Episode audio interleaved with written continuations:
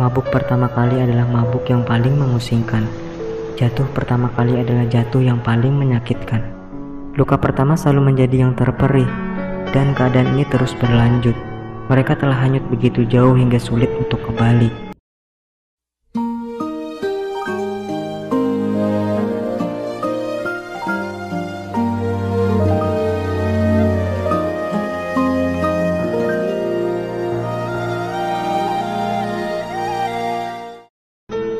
Kais adalah nama anak itu, nama yang diberikan orang tuanya pada hari ke-15 kelahirannya. Di hari ke-14 kelahirannya, bayi itu telah menyerupai bulan purnama dengan segala keelokannya, memancarkan cahaya ke seluruh permukaan bumi dan mempesona semua mata yang memandangnya. Kais adalah lelaki itu. Ketika usianya mulai beranjak remaja, ayahnya menyerahkan pendidikannya kepada guru yang sangat masyur akan ketinggian ilmunya Kais adalah seorang murid yang tekun dan memiliki semangat belajar yang tinggi. Kais sangat unggul dalam membaca dan menulis. Ketika ia bicara, lidahnya akan menyebarkan mutiara-mutiara kearifan. Betapa menyenangkan bila mendengarkannya bicara. Namun kemudian, sesuatu yang sungguh tidak pernah diduga pun terjadi. Suatu hari sang guru menerima seorang murid baru, seorang gadis yang sangat cantik. Nama gadis itu adalah Laila berasal dari kata bahasa Arab lain yang artinya malam. Karena di bawah bayangan rambutnya, wajahnya bersinar bagai bulan purnama yang memancarkan keindahan cahaya. Matanya hitam, dalam, dan bersinar-sinar bagaikan mata seekor rusa. Dan dengan satu kedipan di lentik bulu matanya, ia mampu mengubah seluruh dunia menjadi puing-puing. Mulutnya yang mungil terbuka hanya untuk mengucapkan hal-hal yang indah. Apabila ada yang menggodanya, baik dengan kata-kata maupun dengan senyuman, maka pipinya akan memerah, seolah mawar-mawar merah mereka pada pipi yang seputih susu.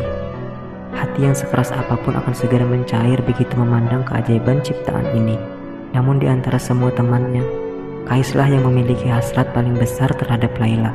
Ia telah tenggelam di dalam lautan cinta bahkan sebelum ia mengerti makna cinta itu sendiri. Perasaan Laila pun tidak jauh berbeda. Laila telah jatuh cinta kepada Kais. Api telah menyala di antara mereka dan cahayanya saling memantul di antara mereka. Lantas apa yang bisa mereka lakukan untuk menjinakkan nyalanya? Tidak ada. Mereka masih remaja, dan remaja menerima apa pun yang terjadi pada diri mereka tanpa banyak pertanyaan. Cinta bagaikan bejana anggur yang telah mengisi penuh cangkir mereka, dan mereka meminum apa pun yang dituangkannya. Lalu mereka menjadi mabuk karena tidak menyadari kekuatan sang anggur. Mabuk pertama kali adalah mabuk yang paling memusingkan. Jatuh pertama kali adalah jatuh yang paling menyakitkan. Luka pertama selalu menjadi yang terperih, dan keadaan ini terus berlanjut. Mereka telah hanyut begitu jauh hingga sulit untuk kembali.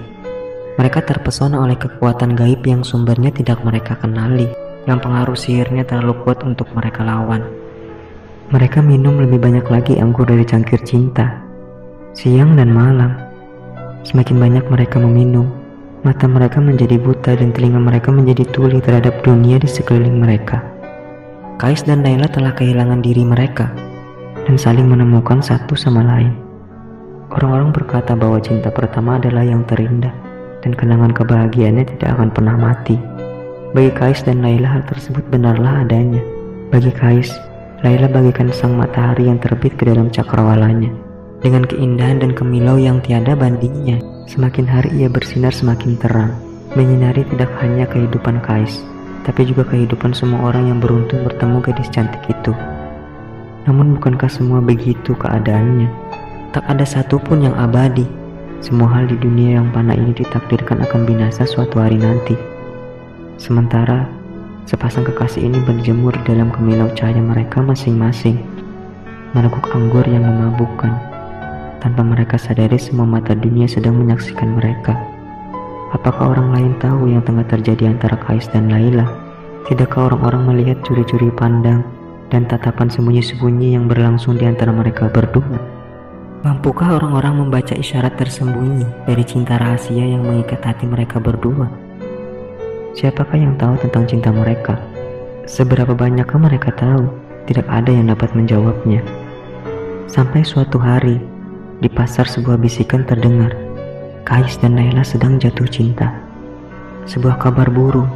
Orang bilang dapat menyebabkan sebuah kerajaan runtuh. Dan segera desas-desus tersebar ke seluruh kota. Perlahan-lahan sepasang kekasih ini mulai menyadari betapa butanya mereka selama ini. Orang-orang telah melihat mereka berdua, mendengar mereka bercakap-cakap, melihat mereka tertawa-tawa, dan mereka di dalam kepompong cinta mereka sama sekali tidak menyadari hal itu. Tirai telah terkoyak, dinding telah runtuh, dan kinilah saatnya untuk berbuat sesuatu, untuk menyelamatkan diri, dan melindungi cinta mereka. Kais dan Laila berusaha untuk tidak memandang satu sama lain, dan mengunci rapat bibir mereka. Namun cinta yang telah terlepas ke alam bebas, tidak dapat disembunyikan lagi. Kehati-hatian tidak dapat membungkam sebuah hati yang terbelenggu oleh keindahan sang kekasih. Apa yang dapat dilakukan Kais? Jiwanya adalah sebuah cermin bagi kemilau cahaya Laila. Bagaimana mungkin ia dapat menyembunyikan kemilau itu? Laila bersinar di dalam dirinya bagaikan matahari siang di langit yang cerah. Bagaimana mungkin cahaya benderang seperti itu dapat disembunyikan? Bagaimana mungkin ia dapat berpaling, bahkan untuk sedikit pun, dari satu-satunya hal yang memberi arti dalam hidupnya? Hati Kais sudah tidak dapat dikendalikan. Sekuat apa pun ia mencoba untuk menyembunyikan cintanya terhadap Laila, ia akan gagal dengan menyedihkan. Bersama Laila dia akan merasakan sakitnya anak panah gunjingan orang-orang. Jauh dari Laila, pedihnya perpisahan menusuk hatinya bagaikan sebuah belati.